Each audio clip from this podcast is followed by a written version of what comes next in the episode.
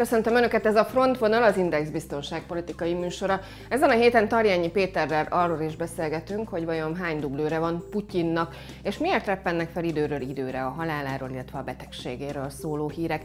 Milyen jelentősége van annak, hogy Oroszország kilépett a Gabona Egyezményből, és vajon lesz-e orosz-amerikai egyeztetés? Az uralkodók használtak testdublőröket. Ezek a rendszerek betegek.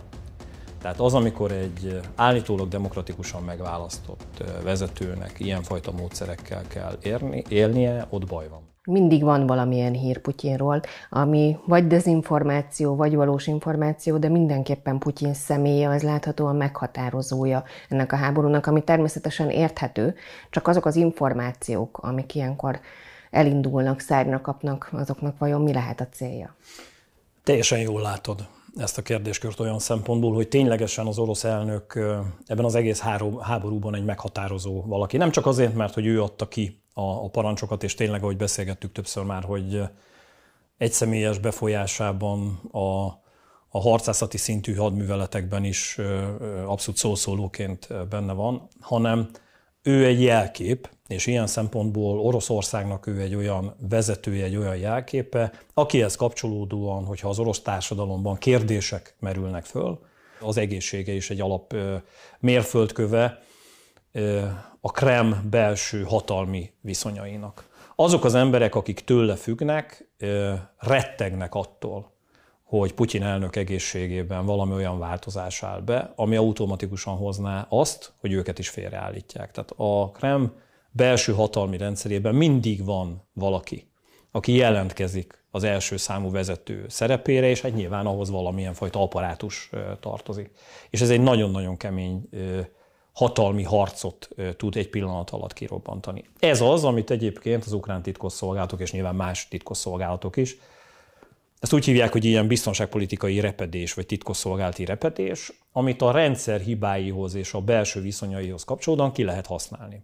Sőt, már ugye a háború előtt is folyamatosan kérdés volt az ő egészségügyi állapota, ugye az óriás asztal rejtéje, hogy miért ült Orbán Viktortól kezdve Macron elnökig az annál a hatalmas nagy asztalnál, erre rögtön lettek összeesküvés elméletek, amiben itthon is biztonságpolitikai szakértők megmagyarázták, hogy ez milyen autoimmun betegségeket feltételez, amit egyébként senki nem tudott bizonyítani.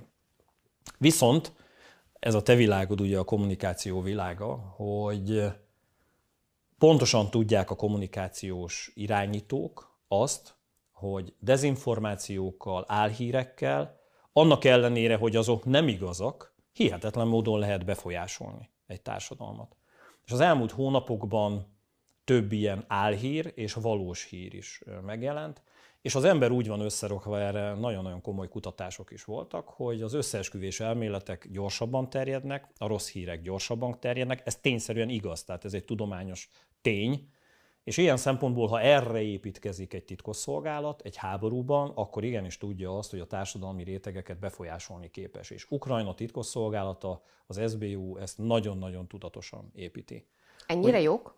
Nem csak az, hogy jók, hanem, hanem vannak valós történések. Volt az első hír, hogy a, a kiszolgáló személyzetet, akik a főzésért, az ő mindennapi életéért felelősek, ez megközelítőleg 7-800 ember volt, egyik pillanatról a másikra 24 órán belül leváltották.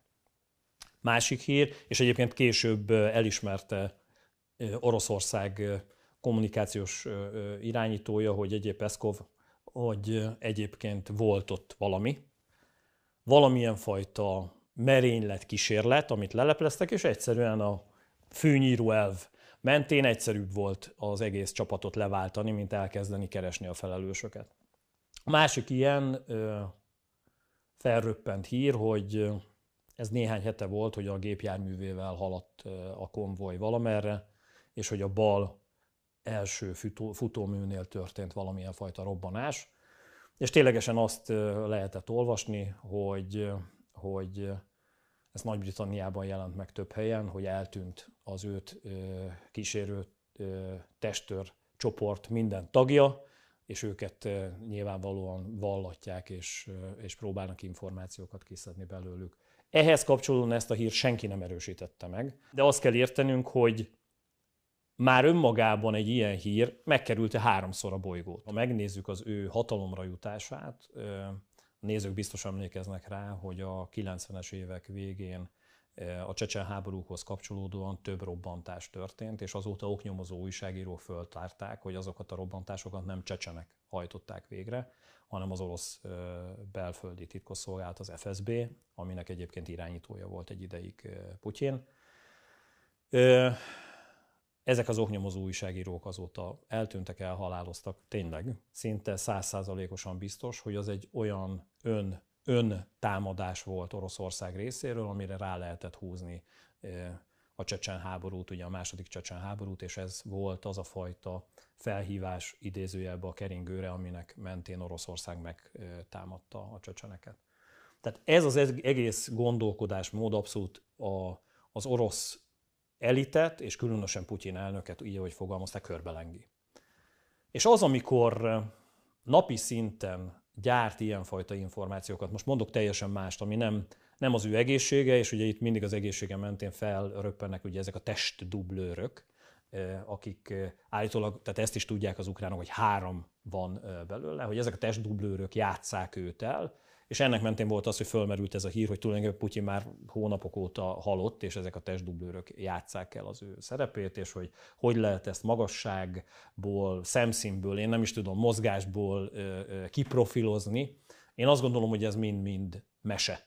Viszont azt látnunk kell, hogy ezzel a módszertannal és ezzel a folyamatos ráhatással, ami például tartalmaz egy teljesen más elemet. Amikor elkezd arról beszélni az ukrán titkosszolgálat, hogy, hogy ők már tudják, hogy ki a, az új jelölt. Tehát, hogy Putyin után ki következik, és elkezdenek felsorolni neveket. Egyszerűen annyira beteg az orosz belpolitika és az orosz hatalmi elit, hogy egyrészt nyugodjunk meg, hogy azokat, akiket felsorol az ukrán titkosszolgálat, na azok biztos, hogy nem lesznek Putyin utódjai, viszont valamilyen szempontból fontos pozícióban vannak, ami Ukrajnát mondjuk zavarja, és pontosan tudva azt a logikát, tehát ezt a, beteg logikát, ami Moszkvában, illetve a Krem környezetében van, számolhatnak arra, hogy ezekre az emberekre elkezd odafigyelni az orosz titkosszolgálat. Elkezd egy olyan fajta légüres tér, egy vákum kialakulni ezek körül az emberek körül, mert egyszerűen mindenki óvatos, mert aki kihívója Putyinnak, az abszolút tudhatja azt, hogy bajba fog kerülni. Tehát amikor valakire rásütik ezt a, a, a, a bélyeget, onnantól kezdve ez a stigma úgymond ráég, és, és ez a fajta vákum azért hasznos Ukrajnának, mert hogy ez az ember, ha valami olyan tevékenységet folytatott, ami Ukrajna számára káros, ezt a tevékenységét nem lesz képes folytatni. Tehát, hogy igazán emögött az álhírek mögött mindig van egy, elsődleges, másodlagos, harmadlagos szándék, amit titkosszolgálati szempontból tudatosan épít Ukrajna. Hadd mondjak egy másik példát, ez is friss hír, hogy, hogy fölröppent, hogy az azóta lemondott brit miniszterelnök asszony, aki még korábban ugye külügyminiszter volt, az ő telefonját föltörte az orosz titkosszolgálat, és abból rengeteg információt megszerzett a konkrét hadműveletekre vonatkozóan, a hírszerzési műveletekre, tehát itt Ukrajnára gondolok, fegyverszállítások, kiképzések a szövetségesi politikában, mit akar a NATO, sasacsat, tehát most ezen nem menjünk végig. Ez önmagában egy olyan hír, amit egyébként nyilvánvalóan, hogyha az orosz titkosszolgálat kiszivárogtatott, pontosan tudja azt, hogy egy ilyenfajta felvetődött helyzetértékelésnél, egy ilyenfajta kilőtt információnál azonnal van egy belső vizsgálat. És ugyanúgy egy vákum alakul ki, nem csak a személy körül, hanem adott esetben a brit titkosszolgálat körül. Tehát te mondjuk amerikai titkosszolgálatként akarnál együtt dolgozni egy olyan titkosszolgálatnál, ahol most röppent föl hírként, hogy szimplán oda mentek az egyik fő irányítóhoz, és annak a telefonját valahogyan föltörték, megszerezték az oroszok. Tehát, hogy itt van egy ilyenfajta távolságtartás. Bemártja, lejáratja. Igen, és eltelik idő. Tehát ez a fajta dezinformációs, titkosszolgálati, befolyásolós hadművelet és módszer napi szinten. Nem egy-egy hír kapcsán, tehát az, amit most mondtál Putyinhoz kapcsolódóan, ez egy egész rendszert mutat, és ezt napi szinten alkalmazza mindkét fél.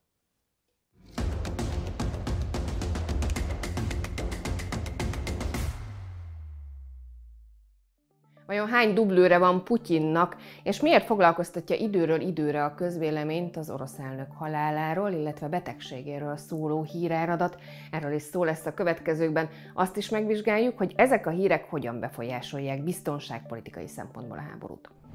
Az uralkodók használtak testdublőröket.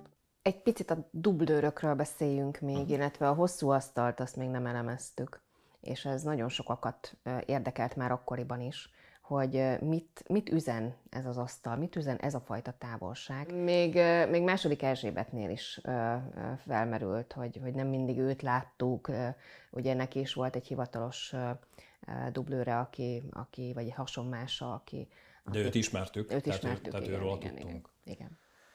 Igazán olyan országokban, ahol a vezető folyamatosan veszélynek van kitéve, ahol olyan belső hatalmi harcokat feltételez maga az a, az a struktúra és az a fajta gondolatisága, hogy azt az országot vezetik. Nem most, hanem évszázadokkal vagy évezredekkel ezelőtt is az uralkodók használtak testdublőröket. Saddam Husseinnek pontosan tudjuk, hogy három vagy négy testdublőre volt.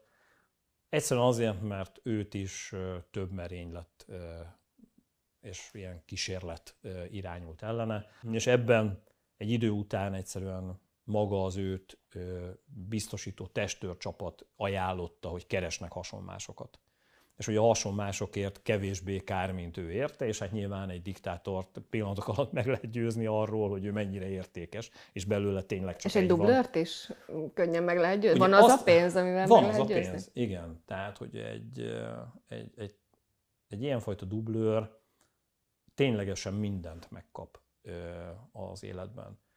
És tényleg azt a fajta hátteret biztosítják, mint hogyha ő lenne az első számú vezető. Nyilván azért ez nem kockázatmentes, tehát hogy ebbe bele lehet halni, sőt bizonyos meneküléseknél ö, számolnia kell azzal, hogy őt feláldozzák. De ezt tudomásul veszi. Tehát így, hogy fogalmaztál arccal a pénztárgép felé, és, és, és van az a pénz, amiért ezt, ezt elvállalják.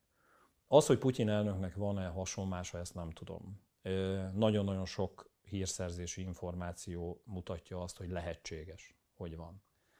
És nyilván ez mutatja egyrészt azt, hogy mennyire beteg a rendszer, mert ugyan mondod második Erzsébetet, de második Erzsébethez kapcsolódó ugye ez a hasonmás hölgy, őt filmforgatásoknál, tehát hogy, hogy ez olyan jó pofa olyan volt. kedves. Igen, igen, igen, igen, és hát ő ezt, ezt ő így vállalta is, hogy ő ezt teszi, erről tudott a királynő is, és egyébként olyan témákba, hogy valamilyen utazás lett volna, ami veszélyes második Erzsébetre nézve, a világtitkos szolgálatai között nem röppent föl olyan hír, hogy hopp-hopp, akkor most tulajdonképpen ez a hölgy lépett második Erzsébet helyére. Tehát, hogy ez, ez jó pofa. A korai vezetőnél nem, nem ugyanez van. Hát nyilván, tehát, és ezért mondom, hogy a diktatúrákban, tehát Észak-Koreát mondhatjuk, de akár Irakot mondhatjuk, ugye annak idején Saddam Hussein, de Kathafira Líbiában ugyanez igaz volt. Itt egy teljesen másfajta indítatásról beszélünk. Az, hogy mit mutat ez, és, és ez egy érdekes párhuzam, amit, amit, amit mondasz így, ez a hosszú asztal rejtéje.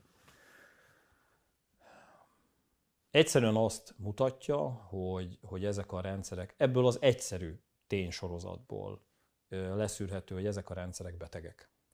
Tehát az, amikor egy állítólag demokratikusan megválasztott vezetőnek ilyenfajta módszerekkel kell érni, élnie, ott baj van.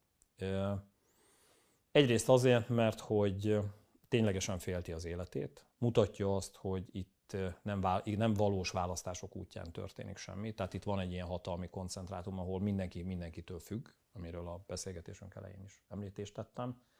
Illetve kellenek olyan fajta külső jegyek, amiben az ő nagysága, az ő kikezdhetetlensége megkérdőjelezhetetlen. És erre vannak és ennek, erre, hogy mondjam, bocsánat, hogy így fogalmazok, és tényleg nem, nem akarok senkit bántani így, így Oroszországban, de Oroszországban mindig is az uralkodóknak, az uralkodó osztálynak volt egy ilyenfajta külső jegye, hogy mindennek megadták a módját, tehát úgy óriási terekkel, óriási díszítéses valamikkel, hatalmas ajtókon keresztül. Tehát nézd meg, amikor, amikor Putyin belép egy palotába, vagy egy, egy, egy fogadásra, és ott a, a vörös szőnyeg, ahogy, ahogy az egész meg van szervezve. Tehát, hogy ott, ott, ott nem szimplán valaki csak besétál az ajtón egy, egy politikus, tehát nézd meg az EU vezetőit, most egy kicsit furcsa, de szerintem a nézők értik, hogy mire akarok kiukadni. Hát a Putyin budapesti látogatása is azt Így gondolom, van. hogy jól példázta. Igen, tehát hogy, hogy itt, itt vannak olyan külső jegyek, amin keresztül azt lehet mutatni, hogy itt tényleg egy uralkodó van jelen. És én ezt azért nem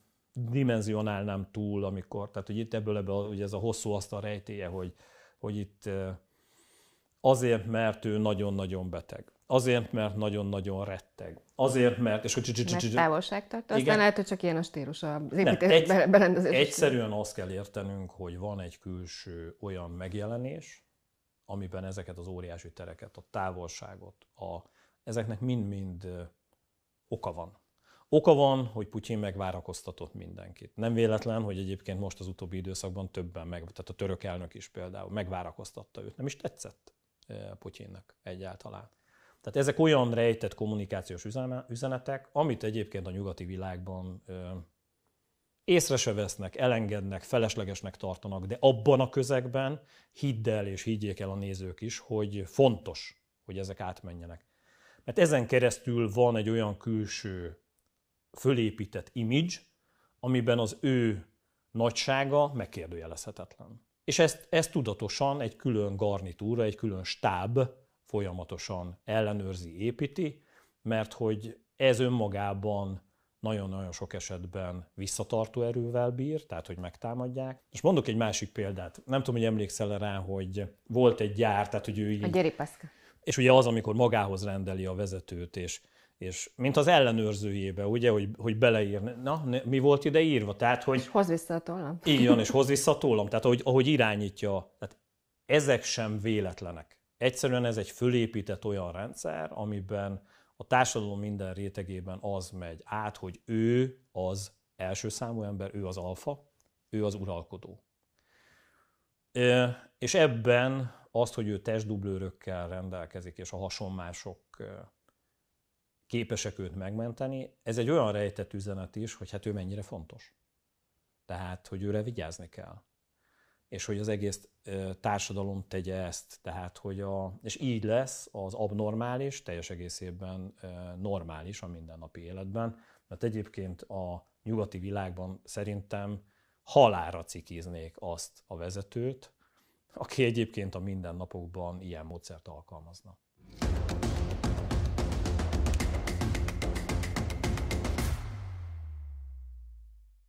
A folytatásban arról beszélünk, hogy milyen jelentősége van Oroszország kilépésének a Gabona Egyezményből.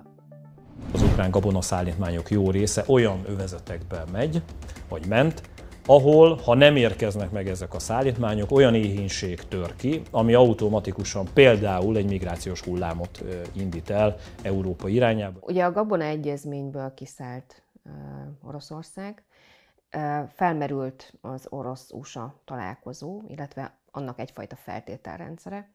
És hát mindeközben ö, ö, újabb légicsapások érik ezúttal Kievet. Ugye nem először mondom azt, hogy a profit és a pénz a legjobb szervező.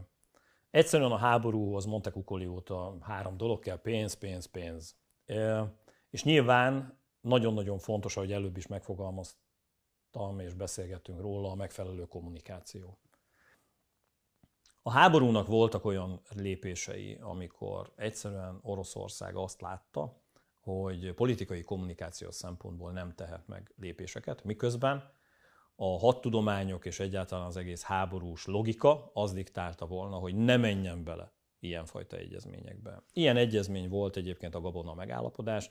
Tényleg egy mondatba vagy kettőbe összefoglalva, ugye Ukrajna a világ egyik legnagyobb gabona exportőre, Ebből rengeteg pénze van Ukrajnának, tehát itt milliárdokról beszélünk dollárban és euróban, és egyszerűen egy háborús logika mentén az nonsens, amikor az egyik fél hagyja a másiknak, hogy ezt a fajta kereskedelmi tevékenységét folytassa, hiszen pontosan tudja, hogy az a pénz, amit Észak-Afrikától, nem tudom, Új-Zélandig, fizetnek ezekért a gabona szállítmányokért, abból előbb vagy utóbb lőszer, muníció, fegyver vagy valamilyen fajta kommunikációs eszköz jelenik meg, csúcs technológia oldalról Ukrajna oldalán. De ez egyébként félreértés ne essék, Oroszországra is igaz, hiszen Oroszország is nagyon-nagyon komolyan gabona exportőre a, a, a világnak. És neki is van ebből bevétele. illetve ugye ott vannak műtrágyához kapcsolódó egyéb nitrátos történetek. És ebben volt egy olyan helyzet, amiben mind Ukrajna, mind Oroszország blokkolta egymás tevékenységét. Ukrajna nem elsősorban saját erőből, hanem tulajdonképpen az Egyesült Államokon keresztül, de ez egy áldatlan állapot volt mindkét fél részére, és ez a nagyon-nagyon furcsa alkuk világa, tehát miközben azért a katonáik lövik egymást, bizonyos helyzetekben, miközben mindenki tudja, hogy abból ugyanúgy lőszer és fegyver lesz, azért azt mondják a felek, hogy ezt valahogyan meg kéne ilyen megállapodásban ö, teremteni, hogy ez, ez rendben legyen. Illetve hát azt nem szabad elfelejteni, ami miatt ugye a nyugati világ erre ráugrott, hogy pontosan fölmérte, főleg az Európai Unió, nagyon helyesen egyébként, hogy emögött van egy orosz másodlagos szándék, mert hogy egyébként az ukrán gabonaszállítmányok jó része olyan övezetekbe megy, vagy ment, ahol, ha nem érkeznek meg ezek a szállítmányok, olyan éhínség tör ki, ami automatikusan például egy migrációs hullámot indít el Európa irányába, ez ugye elsősorban Közép-Afrika és Észak-Afrika térsége. Magyarán Emögött volt egy olyan orosz elsőleges, másodlagos, tök mindegy szándék, amiben azt tudták mondani, hogy nézd EU, nem csak a gázzal, nem csak az olajjal energetikai szempontból zsarollak benneteket, hanem egyébként megint van itt egy olyan csap, amit el tudok indítani, vagy el tudok zárni a tekintetben, hogy elinduljon egy ilyen fajta migrációs hullám, mert nyilván nektek ez fáj. És ezt hidalta át az ENSZ, illetve Törökország segítségével a két fél, hogy történt egy megállapodás. De ne felejtsük el, hogy és még egyszer az első mondatomat, hogy ez a megállapodás rossz Oroszországnak, mert hogy tudja, hogy ezekből fegyverhez és munícióhoz jut Ukrajna. Magyarán képes olyan lehetőséget teremteni, amin keresztül hatásos csapásokat tud az orosz hadsereg ellen végrehajtani alig várta Oroszország, hogy legyen valami, amire ráhúzva ebből az egyezményből valahogy ki lehet sétálni. Hogy, hogy miért nem tetszett első pillanatok kezdve, hát hogyha visszaemlékszel, aláírták a megállapodást, vagy, vagy rendezték, megtörtént, most ez, ha jól emlékszem, ez egy hétvége volt, tehát hogy egy pénteki napon ez aláíródott, szombat hajnalban ettől függetlenül még ugye, már ezt a kikötőjében bombáztak az oroszok amit egyébként Ukrajna rögtön arra használt föl, hogy azt mondta, hogy nézzék meg, kérem, a világ mindenki, Budapesten is a polgárok, hogy lámlám nem tartja a megállapodást Oroszország. Tegyük hozzá, és ez így korrekt, hogy nem polgári célpontot támadott ebben az esetben Oroszország, hanem ukrán hadihajókat. Mert hogy mindkét fél ki tudja használni ezt az egész megállapodást arra, hogy ilyen sundán módon a saját haditengerészeti erőit mozgassa, olyan helyzetet teremtsen, ahol a gabonaszállító hajók vannak, hogy ezeket a katonai eszközöket el tudja rejteni, tehát nem úgy elrejti, hogy, hogy nem látható, de egyszerűen azt tudja mondani, hogy veszélyes egy ilyen helyzetben egy támadást végrehajtani, és tulajdonképpen maga a civil célpont fedezi, biztosítja a katonai célpontot. Nem tudni, tehát ugye Ukrajna azt mondja, hogy nem, tehát nem ők hajtották végre Szevasztopolban ezt a fajta támadást, mert hogy egyébként nekik nem lett volna érdekük. Az biztos, hogy egyébként orosz katonai célpontokat ért drón támadás, ami olyan szempontból kapóra jött Oroszországnak, hogy erre azt tudtam mondani, hogy borítom a sakkasztalt, és azt mondom, hogy innentől kezdve a gabonaszállításokat fölmondom. Ami azért rossz, mert megközelítőleg 200, tehát hogy több száz hajó mozgott az utóbbi hónapokban rengeteg, tehát több ezer tonnányi gabona indult el a világ különböző részeire. Elindult ennek a, az éhénységi hullámnak a megelőzése. Tehát egy folyamatot látunk, és hát ne felejtsük el, hogy a pénzek is elindultak Ukrajna irányába, a bevételi részek. Ami nyilván Oroszországnak, hogy előbb említettem, fáj. Emiatt egy bevált rendszerben egy ilyen közbeütés, gazdaságilag, diplomáciailag, katonailag. Tehát egyszerűen az, hogy fölmondják az egyezményt.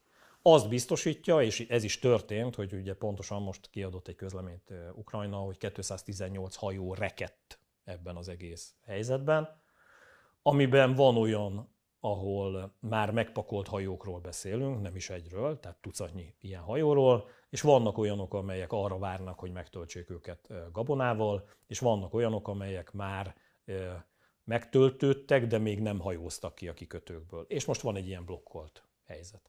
Félnek elindulni a hajók, mert hogy a Gabona Egyezmény felmondásával ezeket a hajókat adott esetben az orosz haditengerészet támadhatja. És ezt senki nem szeretné, hogy civil áldozatok halljanak.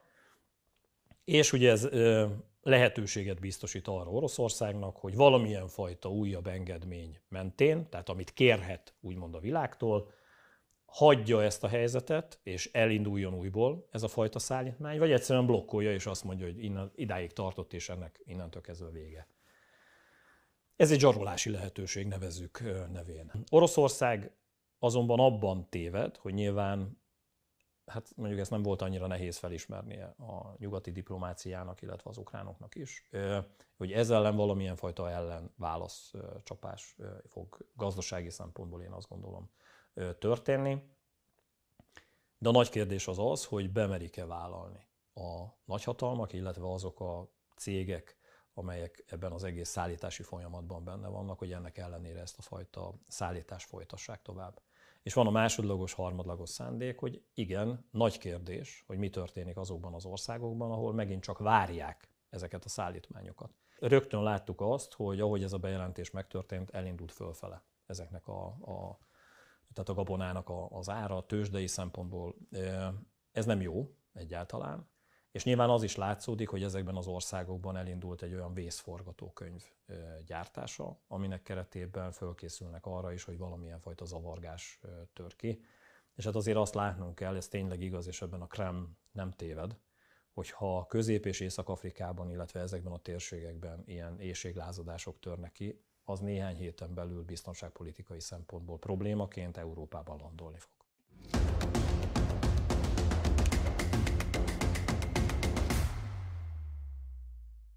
Lesz-e valaha Oroszország és az Egyesült Államok között egyeztetés a háborúról, és ha igen, akkor milyen jelentősége lesz mindennek? Erről beszélünk a következőkben. A legnagyobb probléma ebben a háborúban a bizalomhiány. Mi a helyzet az USA és az Oroszország tárgyalás kérdése? Abban van összefüggés, hogy egyre inkább látják a nagyhatalmak azt, hogy ebben a kérdéskörben amit például most tárgyaltunk, de több másban is. Azért jó lenne valami fajta ilyen karmesterség. Hát ha három vagy négy hírt nem olvastam a tekintetben mindkét oldalról, hogy egyébként mi készek lennénk a tárgyalásra, valójában egyébként nem akar tárgyalni Ukrajna és Oroszország. Tehát ezt mindenki tudja. És emiatt valahogyan kéne egy rendszer, valahogyan, valahogyan szabályozni kéne bizonyos működéseket, mert egyszerűen fejre áll a világ gazdasági szempontból, meg, meg számtalan olyan biztonságpolitikai kihívás történik, amiben látszódik, hogy ez a válság ez gyűrűzik az egész bolygóra kiterjedve.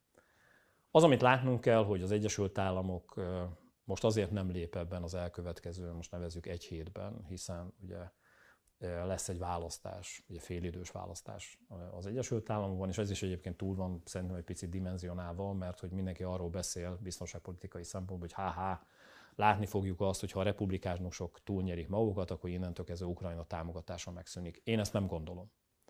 Viszont az biztos, hogy amíg el nem dől az elkövetkező egy hétben, körülbelül ugye egy hét, hogy hogy mi történik az Egyesült Államokban a félidős választásoknál, addig az Egyesült Államok vezetése nem akar itt semmifajta találkozókba belemenni. Orosz oldalról ez egy kettős hatást jelent, mert egyrészt, és ezt ne vigyük el, hogy, hogy ez azért mutatva egyfajta gyengeséget is Oroszország részéről. Tehát egyre több esetben van, hogy, hogy azért Oroszország jelzi, hogy itt, itt, itt valamire szükség lenne.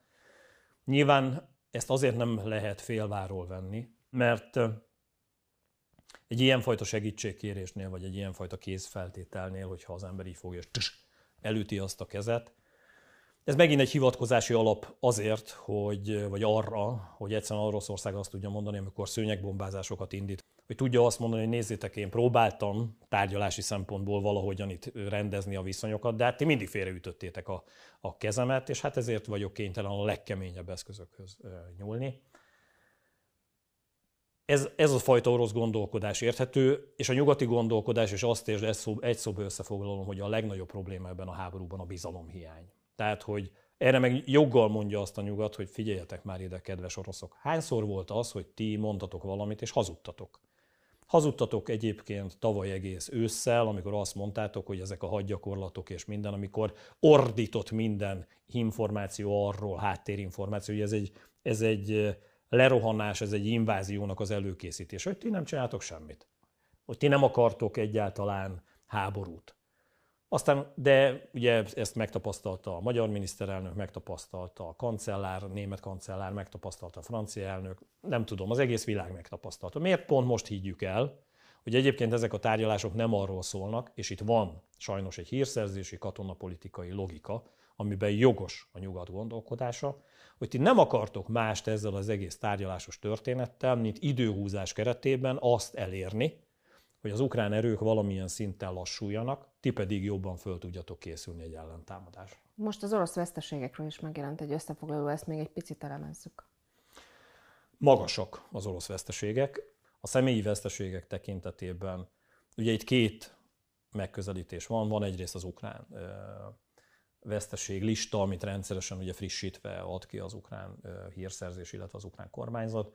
Nyilvánvalóan a veszteségek oldalán túlzóak az ott leírtak, de nem annyira. Tehát nem a, nem a nagyságrendekkel van hiba.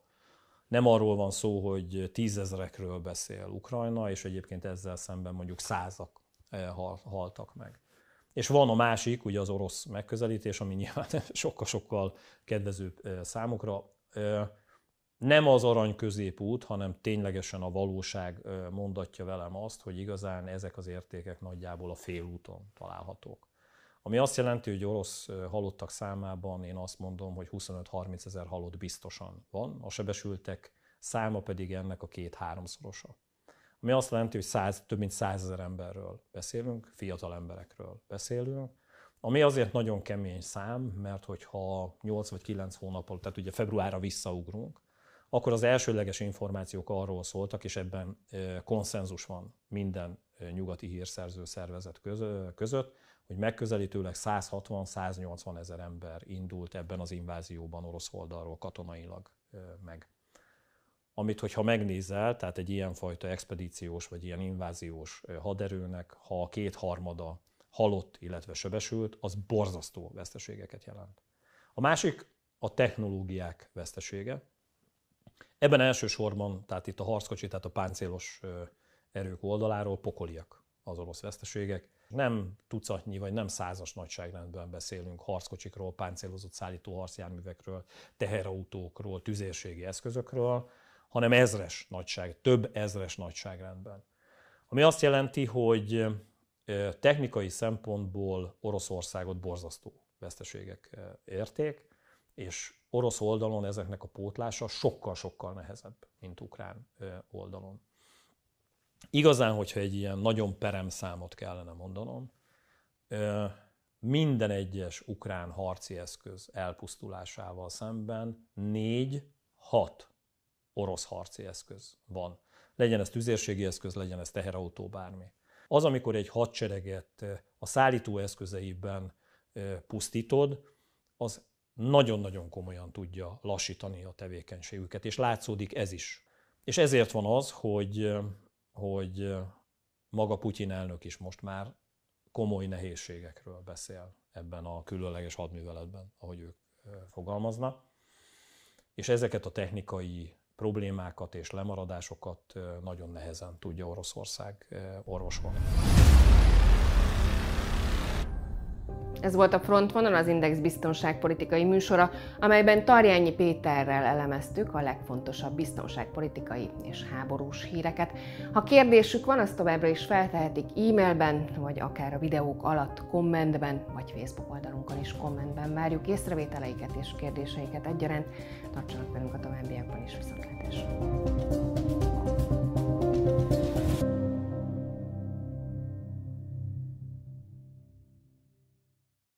A műsor a Béton partnere.